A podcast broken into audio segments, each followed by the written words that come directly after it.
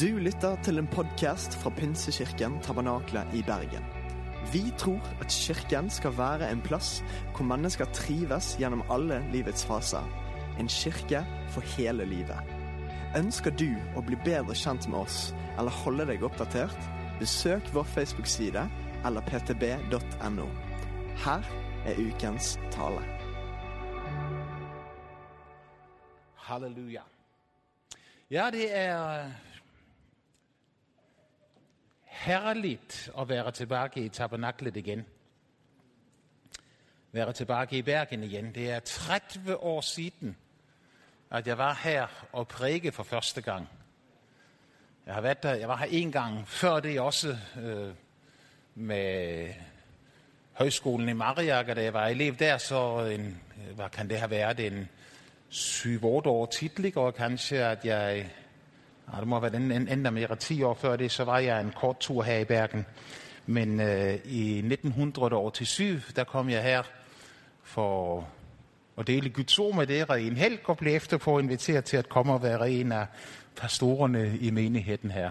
Og jeg tænker med stor glæde tilbage på de oplevelser, som jeg havde her i byen. Mine to ældste barn blev døbt her. Var der nogen, som var på det møde? Var der nogen, som var på det møde? Var du der? Ja. Der havde vi barnedåb, sagde over Drappendal. Yngste, ældste der, min, hun var syv år. Men hun ville døbes. Hun var netop blevet døbt i den hellige ånd. Det første, jeg gjorde, da jeg kom her til Bergen, en af de første ting, jeg, jeg var med på, det var, at uh, der var en ungdomslejr et eller andet sted derude mod Knarvik og Længerø, tror jeg, det var. Der var en ungdomslejr, og jeg husker, jeg satte den første kvelden sammen med kanskje en 15 ungdommer, de var delt op i grupper og så videre, og så ved jeg ikke, hvordan det kom til, at vi begyndte at snakke om, at øh, det her med den hellige ånd og tungetale, og de sagde til mig, nej, sagde de, så det er så vanskeligt at blive døbt i den hellige ånd. Det ved dere vel, går jeg ud fra. Det er vældig vanskeligt at blive døbt i den hellige ånd. Og de sagde til mig, at de havde prøvet og prøvet og prøvet og prøvet, men det virkede ikke. Så jeg sagde til dem, fint siger jeg, så, så i morgen, der skal vi undervise om det her, og så i morgen kveld, så skal det alle sammen blive døbt i den hellige ånd. Eller var det i kveld, tror jeg faktisk, det var. Og næste formiddag, når vi satte sammen igen, så talte de alle i tunger. og datteren, datteren min på syv år, når hun så alle de her blive fyldt af den hellige ånd, så kom hun hen og trak mig der i hjertet, og så sagde, pappa, pappa, sagde hun, også mig. Og jeg siger til hende, også dig, hvad for noget, Rebecca? Jeg siger hun, jeg vil også have det samme, som de andre har. Det der, de gør, det vil jeg også have. Og jeg siger til hende, fint, så skal pappa bede for dig. Og når jeg beder for dig, så kommer den hellige ånd over dig. Så lægger han et sprog ind i din ånd, og så begynder du at prate det. Har du forstået det? Ja, pappa, sagde hun. Og så lader jeg hænderne på hende, og før jeg nåede at bede, så talte hun i tunger. Det kalder jeg juks. Jeg skulle have bedt min fine bønnen først. Men Gud sprang foran mig, eller så var det datteren min, der var så ivrig, at hun begyndte at tale i tunger, før jeg fik bedt den hellige bøn. og øh, så når hun kom tilbage hjem igen, så øh, gik det, et, for jeg siger til hende, så Rebecca, siger så, når hver kveld, før du lægger dig til at sove, så må du ligge i sengen din, og så må du tale i tunger der i sengen.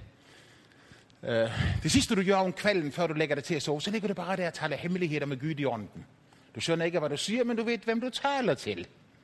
Og øh, ja, pappa, siger hun, så det skal jeg gøre. Og så hver kveld, når hun lader, før hun lader sig til at sove, så lå hun der i sengen. Og når lillesøsteren på fire år hørte det, så siger hun til hende, kan du gøre for noget? Eller hvordan man nu siger det på nordnorsk. Det var vist et andet sprog, det her. Men øh, øh, søsteren siger så til hende, ja, det er vældig enkelt, siger hun så. Du skal bare bede til Jesus, så får du det samme, og et øjeblik efter, så var hun døbt i den hellige ånd og talte i nye tunger, fire år gammel. Og når vi hørte det, så tænkte vi, jeg ved ikke hvordan vi hørte det, men vi fik det at vide på en eller anden måde, i alle fald, kona og jeg. Og hvor mange af jer ved, at når man er fire år, så kan man ikke blive døbt i den hellige ånd? Hvor mange af jer ved det? Hvor mange af jer har bedt med fireåringer til dåb i den hellige ånd? Hvorfor beder dere ikke med dem, hvis dere regner med, at de kan blive døbt i den hellige ånd? Det siger sig selv, uden at nogen gør noget. Vi vidste, jeg vidste det ikke. Jeg har aldrig bedt med så små mennesker til dåben i den hellige ånd. Jeg gjorde det heller ikke med hun på fire år. Men hun blev fyldt af den hellige ånd, hun begyndte at tale i tunger. Og når senere på ugen, lille, lillebror på to år, lå i, i, i, i seng med feber, og vi stak hovedet ind ad døren, og hun på fire år, hun stod med hænder på hovedet hans og talte i tunger. Og Gud helbredte han. Så forsvandt alt tvivl fra mig. Og langsomme Bryner begyndte at erkende, at Gud møder hvem som helst, som vil møde sig ham. Der er ingen grænser. Du kan ikke være for ung. Du kan ikke være for gammel. Selv om du er norsk, kan det lade sig gøre. Og Gud elsker nordmænd. Halleluja. Jeg troede, jeg havde fået et voldsomt amen der, men...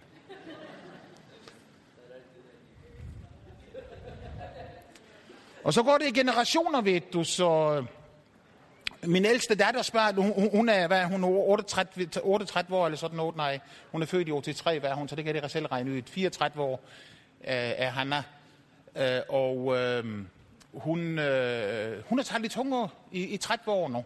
34 år gammel er hun, ikke bare helt almindeligt, vanligt, prise Gud i ånden og tale hemmeligheder med ham.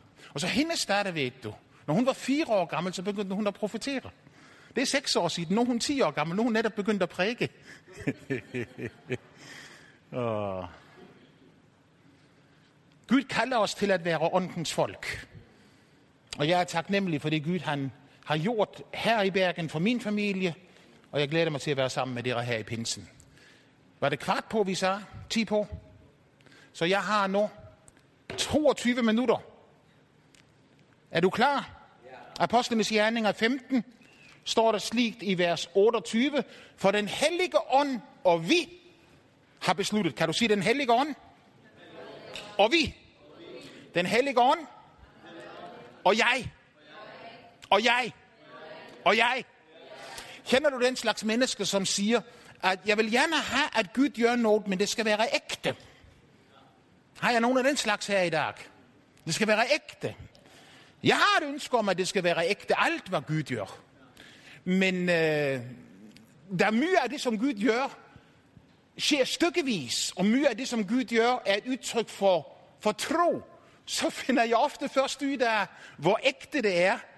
Lidt senere, slik som med min datter på fire år, jeg tænkte, det kan ikke være ægte fire år. Og så hun på syv år, som har bedt for hende. En syvårig kan ikke bede for en fireåring, så fireåringen bliver dybt i den hellige ånd og begynder at tale i tunger. Det har jeg aldrig lært på nogen bibelskole. Men det skete faktisk, ikke sandt? Og så kan tvilen komme der, fordi det menneskelige vældig ofte dræber det guddommelige. Det er et faktum, et uimodsigeligt faktum, at når det drejer sig om Guds forløsningsplan, altså Guds frelsesplan, Guds tanker med mennesker, så forpligter, ydmyger, bøjer Gud sig ned til bare at samarbejde med mennesker. Jeg trækker mit bare tilbage. Gud er Gud, og Gud kan. Han trænger ikke min tilladelse. Han kan gøre akkurat, hvad han vil. Og det gør han også.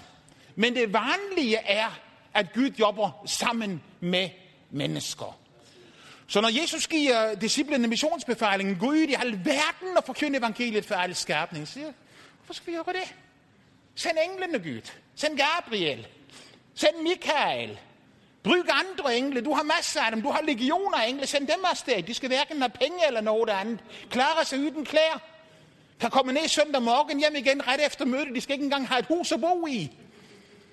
Den rigtige måde at forkynde evangeliet på, bruge engle. Men Gud har sagt, at han vil bruge mennesket, fordi Guds frelsesplan involverer mennesket. Og når skriften her siger, den hellige ånd, når vi har besluttet, så får du her et princip, som kanskje er det vigtigste princip, når det drejer sig om at blive brugt af Gud. At Gud vil bare bruge dig, hvis du vil lade ham bruge dig. Han taler, han udfordrer, han kalder, men du er nødt til at begynde at bevæge dig. Du er nødt til at begynde at bevæge dig. Hvis du begynder at bevæge dig, så vil Gud gøre det, han har luft at gøre. Om du ikke begynder at bevæge dig, så vil du opdage det her, at Gud ikke kommer til at gøre det. Og så står vi der undrende tilbage og siger, hvordan kan det være, at det ikke sker noget? Hvorfor sker det ikke mere? Fordi vi ikke bevæger os.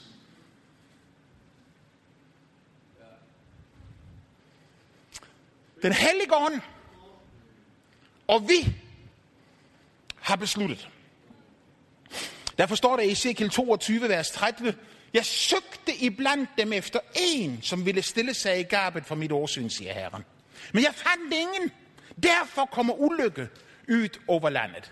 Så klart og tydeligt igen siger profeten, at når Gud skal gøre noget, så må han finde nogen og samarbejde med. Når han finder nogen at samarbejde med. Når han finder mennesker, som siger, Gud, mig kan du regne med.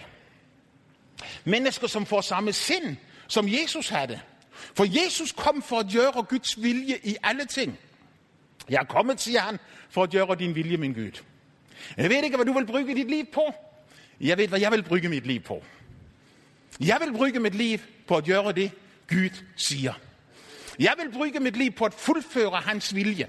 Jeg vil bruge mit liv på at lytte ham.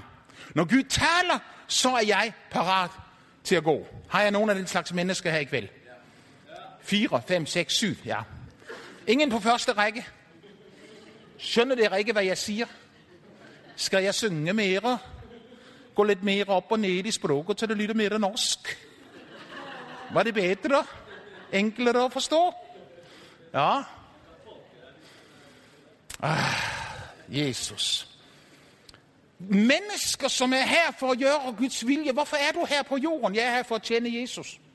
Amen. Sandra. Vi er her for at tjene Jesus.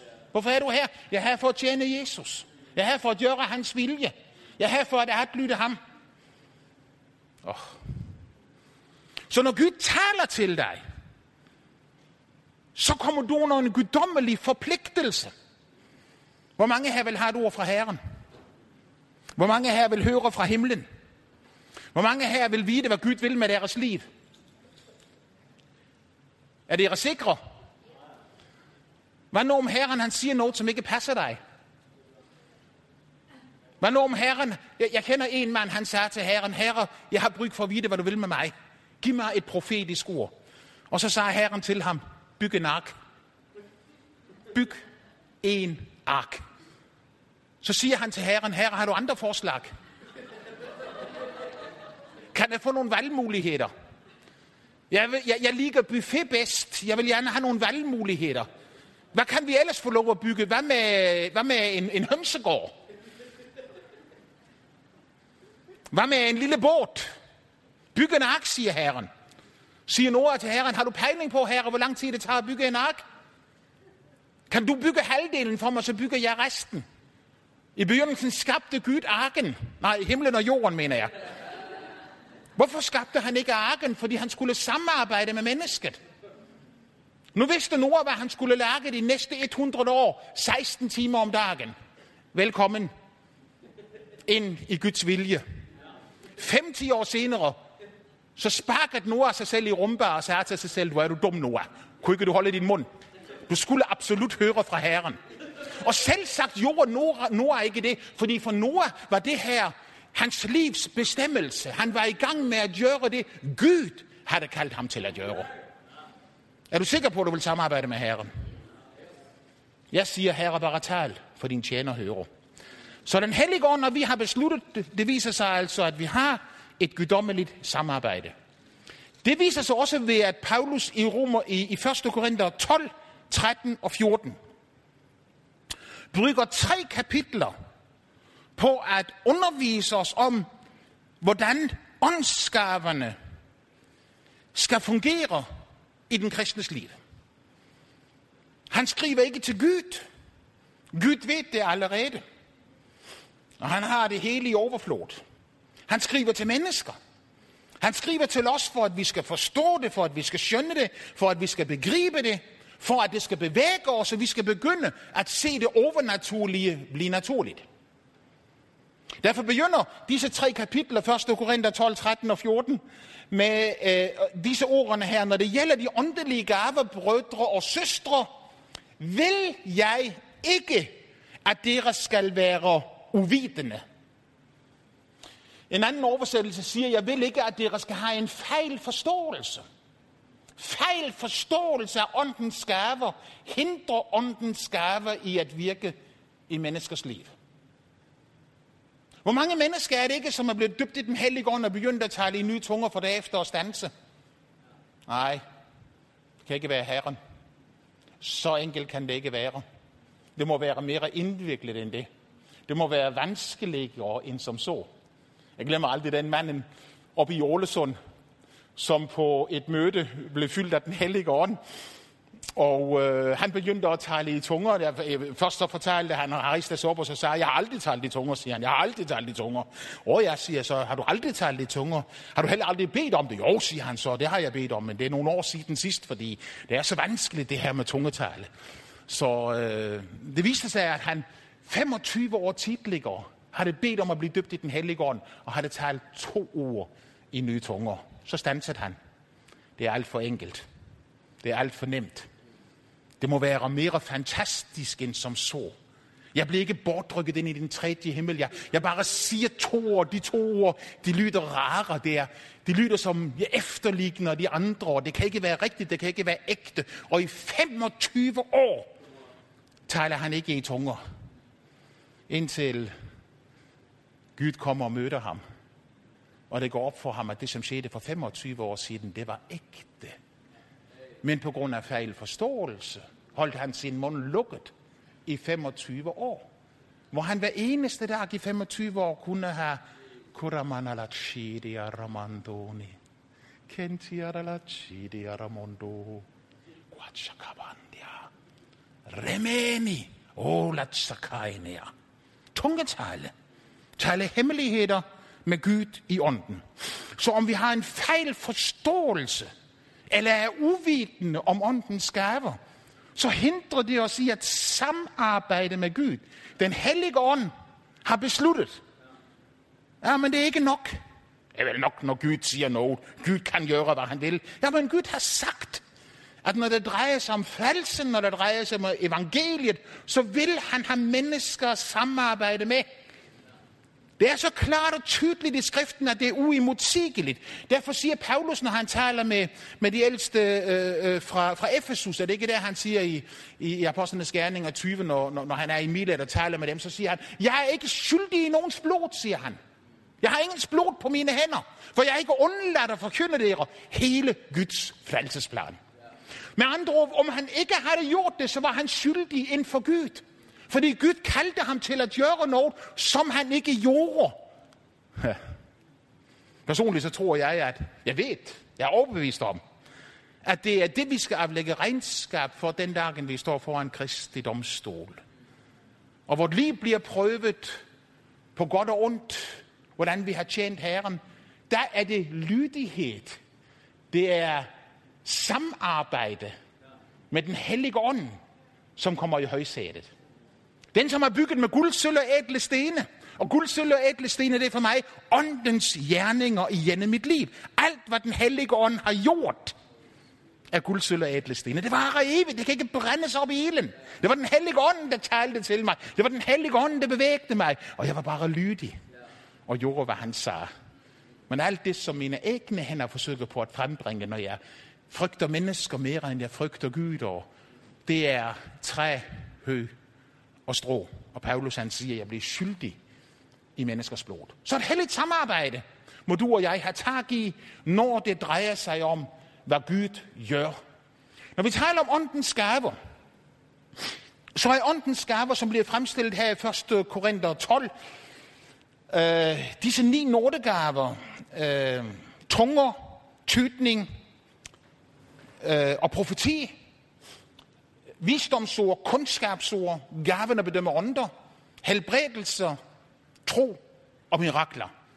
Ni nådegaver, som alt sammen er indpakket eller resultatet af dåben i den hellige ånd. Før Jesus blev døbt i den hellige ånd ved Jordanelven, gjorde han ikke et mirakel. Efter han blev døbt i den hellige ånd, flød miraklerne ud fra hans liv. Ved hans dåb i den hellige ånd kom det overnaturlige til syne i hans liv, når himlen åbnede sig. Den hellige ånd kom ned over, over ham i lægemelig form af en due, og den blev over ham. Og der var en røst, som sagde, den er min søn, den elskede, i ham har jeg velbehag. Når han kom igennem ørkenen og ud på den anden side, så begyndte han at, han at manifestere den hellige ånds kraft. Og Jesus siger selv, at det er ved den hellige ånd, siger han, at jeg uddriver underånder. Altså det er ikke ved min egen guddomskraft, for den har han aflagt, den har han lagt til side. Men det er ved den hellige ånd, siger han, fordi jeg er fyldt af den hellige ånd, så gør jeg den hellige ånds gerninger. Herrens ånd er over mig. Han har salvet mig til, siger Jesus. Så alle mirakler, Jesus gjorde, gjorde han i kraft af den hellige ånd. Og han samarbejdede med den hellige ånd der. Det overnaturlige var naturligt i Jesu liv. Og ikke slik, at han gik rundt og, og, og oplevede det som et, et, et, et voldsom overraskelse, når Gud begyndte at manifestere sin kraft.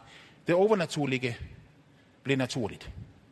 Jeg tror, det er en af årsagerne til, at det første Gud, han gør med dig, når du bliver døbt i den hellige ånd, det er, at han giver dig gaven og tale i nye tunger. Nogen siger, og jeg tror på det, at det var den bedste gave, den hellige ånd kunne give til os. Den bedste gave, han kunne give til os. At alle mennesker bliver sat i stand til at kommunikere med Gud i ånden. Ikke i hjernen. Og selv mindre intelligente mennesker kan kommunikere med Gud i ånden. Og når vi begynder at kommunikere med Gud i ånden, når vi taler i nye tunger, så oplever vi et dagligt mirakel. Det overnaturlige bliver naturligt. Og nu ser jeg, at nogle af dere holder på at falde i søvn. Fordi tungetale er jo ikke så spændende. Det kender vi til. Det ved vi om. Vi skal 100 plus år tilbage i tiden, hvor folk ville gå mand af huse for at høre folk tale i tunger i tabernaklet. Men ikke i dag. I dag er det blevet naturligt. I dag er vi blevet vant med det. Akkurat som Israel blev vant med mannaen, som faldt fra himlen. De fik et dagligt mirakel fra Gud. Men det begyndte at ringeagte miraklet, fordi det blev dagligt, det blev vanligt. Og når de begyndte at ringeagte miraklet, så var det til ødelæggelse for dem selv. Slik er tungetalen et dagligt mirakel i dit liv, som du kan spise af, dette, af denne manna ind i dit liv og få lov at opleve Guds nærvær. Kommunikationen med Gud i ånden. Du ved ikke, hvad du siger. Ingen andre ved heller, hvad du siger. Men du ved, hvem du taler til. Og når du taler til ham, kan du være sikker på, at han taler tilbage til dig igen. Når du hører, hvad han taler tilbage til dig igen, og du begynder at fortælle om det, han siger til dig, så er du faktisk inde i det, som Bibelen kalder profetisk tale. Så tunger åbner for profeti. Og jo mere du taler i tunger, jo mere profetisk kommer du til at blive. Enkelt. Den, der taler profetisk, siger Paulus, han opbygger menigheden. Den, der taler i tunger, han opbygger sig selv. Jeg kan ikke opbygge menigheden mere, end det, jeg har opbygget mig selv til. Jeg kan ikke give noget, jeg ikke har. Så for at opbygge menigheden, så må jeg først have opbygget mig selv. Derfor siger Paulus, før jeg kommer til dere, så taler jeg gerne 10.000 ord i nye tunger, så når jeg kommer til dere, så er fem ord med min forstand ren dynamit. Her kommer Herrens ord, det skabende profetiske ord, ind i dit liv. Og jo mere du taler profetisk, jo mere kan du begynde at bevæge dig i de andre åndsgaverne. For der er et element af det profetiske i samtlige åndsgaver. Uanset om du taler om visdomsord. Visdomsord, hvad er det? Ja, det er sådan noget kloge mennesker taler. Man må have en Ph.D. for at få sådan en. Altså en mastergrad, Ph.D. Permanent Head Damage. Er der nogen, som oversætter det med? Visdom har ingenting med Ph.D. at gøre. Visdom Visdom i Guds verden er åbenbaring af tiden, som ligger foran dig. Og når Gud begynder at tale om det, som sker i morgen, det, som sker senere i kveld, det, som sker om fem år, det, som sker om ti år, så er det visdomsord. Og et vigtigt element i visdomsordet er den profetiske ånd, for det er den samme salvelse, som løser ud der. Og faktisk er det slik, at med visdomsordet, så planter Gud troens gave ind i menneskers liv. Så du får tro for ting, som virker umulige, men du tror på det, fordi du har set det. Du tror på det, fordi Gud har talt til dig om det. I tro bygget Noah arken. Han byggede den i tro, fordi han så, hvad, det var, hvad meningen var med det. Han så, hvad det skulle ende med. Han vidste, at der skulle komme regn over jorden. Han vidste, hvad Gud ville gøre. I tro byggede han, og han holdt ud, som om han så den usynlige. Det var nu Moses, der gjorde det. Men jeg tror, at øh, øh, øh, den godeste Noah, han gjorde det også. Men, men, men det var visdomsord, der var plantet ind i ham. Så der kommer troens skærve ind og bliver synlig. Åbenbaringsord, kundskabsord hvor Gud begynder at vise dig ting, som er eller har været. Med kundskabsordet kommer helbredelse. Helbredelse af hele mennesket. Jeg fik et slik her for, var det 14 dage siden, vi stod øh, på mødet hjemme i Impact Church, og der var kommet en iraner ind, som jeg aldrig havde set før, og Gud begyndte at tale til mig, jeg begyndte at downloade, mens jeg sat der på første række, og lovsangerne sang begyndte jeg at downloade fra Herren, hvad den mand havde været igennem, hvad han havde oplevet, hvor han havde været henne. Og jeg kalder ham frem og begynder at fortælle ham, hvad han har gjort i sit liv, og, og, og, og, og han står der og, og bare hører om de her ting, og så kommer helbredelsen ragt ind i hans liv, når Herren siger til ham, jeg løser dig i dag fra al smerte, fra alle sår, fra alt uh, bitterhed, al hat, løser jeg dig fra i dag og sætter dig fri ved min kærlighed. Men i dette kundskabsord ligger det profetiske. Bedømmelse af ånder har en profetisk dimension.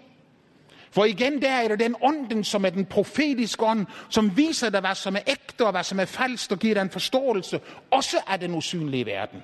Og jeg tror, at jo mere du får lov at opleve, vi får lov at opleve af englenes tjeneste, jo mere mirakler kommer vi til at se. Så du ser alle disse åndsgaver, som arbejder sammen.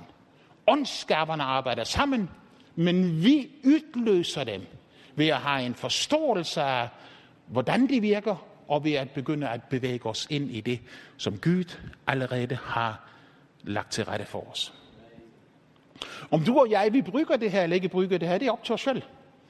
Men du kan ikke komme udenom, bortset fra at Gud er suveræn og kan gøre akkurat, hvad han vil. Men det vanlige det er ikke, at du begynder med 10. klasse, men det er, at du begynder med 1. klasse. Så du begynder med at tale i tunger. Hosharamandania. Herrebenia. Kutsindiadalatshania. Og mens du taler i tunger, så oplader du batteriet. Det er som en bil, du prøver på at starte, men den har haft lyset tændt hele natten, og der er ingen kraft på batteriet, og det siger bare klik, klik, klik. Så taler du i tunger. Du taler i 5 minutter, og så prøver du på at starte bilen, men der er ikke kraft på batteriet endda. Du taler i 10 minutter, du taler i en halv time, du taler i en time, du taler i to timer, du bruger 10 minutter på vej til skolen, 10, på vej, 10 minutter på vej hjem fra skolen, 5 minutter ude i køkkenet, og 5 minutter ude i hagen, og, og mens du taler i tunger, så oplader du batteriet. Og når du så drejer nøglen rundt, så siger det, brum, og så er den i gang, og det profetiske begynder at blive downloadet ind i dit liv. For der sker noget, når du taler i tunger. Du siger, jeg kan ikke se det, nej, for du kan heller ikke se på batteriet, når du sætter strøm på, at det bliver opladet. Du skal bare vente. Så opdager du det senere ved den kraften, som flytter ud fra dette batteriet. Slik har Gud givet dig nogle ting og lagt det i dine hænder, for at du kan samarbejde med Herren. Paulus står i, i Thyatira, var det ikke? Nej, det var ikke Thyatira, han var i, øh, uh, der på Lystra.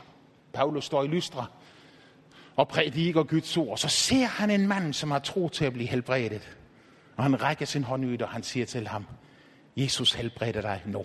Men først ser han nogle ting i mandens liv. Han er lydig mod denne hellige ånds tilskyndelse. Han handler på tilskyndelsen, og Guds kraft begynder at manifestere sig.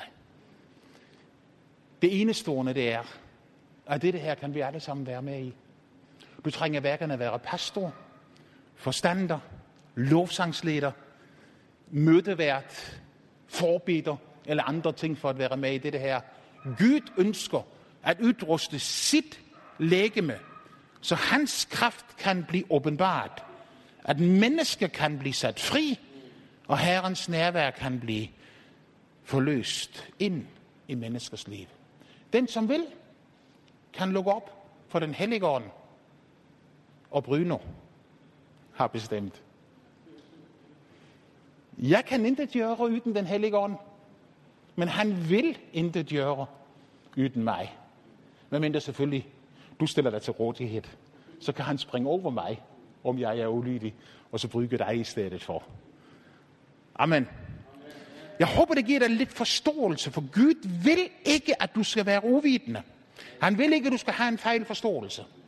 Og øh, som en bonus har jeg skrevet en bog netop om disse tingene her. Den hedder Tilintetgjør djævelens gerninger. Mange folk bliver forskrækket over denne bogen, over titlen. Oh, jeg vil ikke tilintetgøre djævelens gerninger. Men det er herligt at tilintetgøre djævelens gerninger. For det er Guds åbenbarelse ind i menneskers liv. Det er mørke, der forsvinder, og lys, der kommer. Det er ikke en bog om åndelig krigsførelse, men det er en bog, som skal åbne for dig og give dig forståelse af, hvordan åndens gaver fungerer. Den kan du få lov at se på hernede i pausen. Vi har også en anden bog dernede, som min datter har skrevet. Vil du sige to ord om den, Andy? Du vil ikke sige to ord om den? Ja. Do you want to say two words about... Han skønner alt. Han skønner dansk, men nu snakker jeg jo norsk til dere, så det er vanskeligt for ham at skønne. hvad- Nej, jeg forstår det hele. Kan I forstå, når jeg taler dansk? Nej. Should I speak in the Australian? My, Speak Danish and sing. That's Norwegian. my, uh, I was writing a book, and uh, one day I couldn't find my laptop, and I asked my wife, "Where's my laptop?" And she said, "I've stolen it." And she said, uh, "I'm writing a book." I said, "But I'm, I'm writing a book," and she said, "The fire's on me now." So for the ne- so for, so for the next month, and she was like a machine. She was like, I've got to get this out. And uh, that's that book. My wife is the, was the four year old who started speaking in tongues and laid hands on her little brother and he got healed. And um, this woman of God, like, Jesus is my savior, but she's. she, she, she's helped. Je- Jesus is. They've both helped me a lot, Jesus and Hannah. So um, that's what that book is about. If, if you can just get your thinking right, your life will just go a lot easier. Yes, there are some things that come against us, but most of our problems are because of this. And that's what that book is about. It's very short and sweet. She likes short and sweet. Hallelujah. A hundred krona. Did you get that? And yeah. For dere, som ikke skjønte, Härligt. for dere som ikke skjønte, så liker kona korte og pene. Det er han, altså. Det var altså kona hans som hadde skrevet boka, for det som eventuelt ikke skjønte engelsk. Eh, en bok som også er mulig å få kjøpt der. Det var henne fire år gamle jenta som eh, la henne på broren sin, og hun ble helbreda.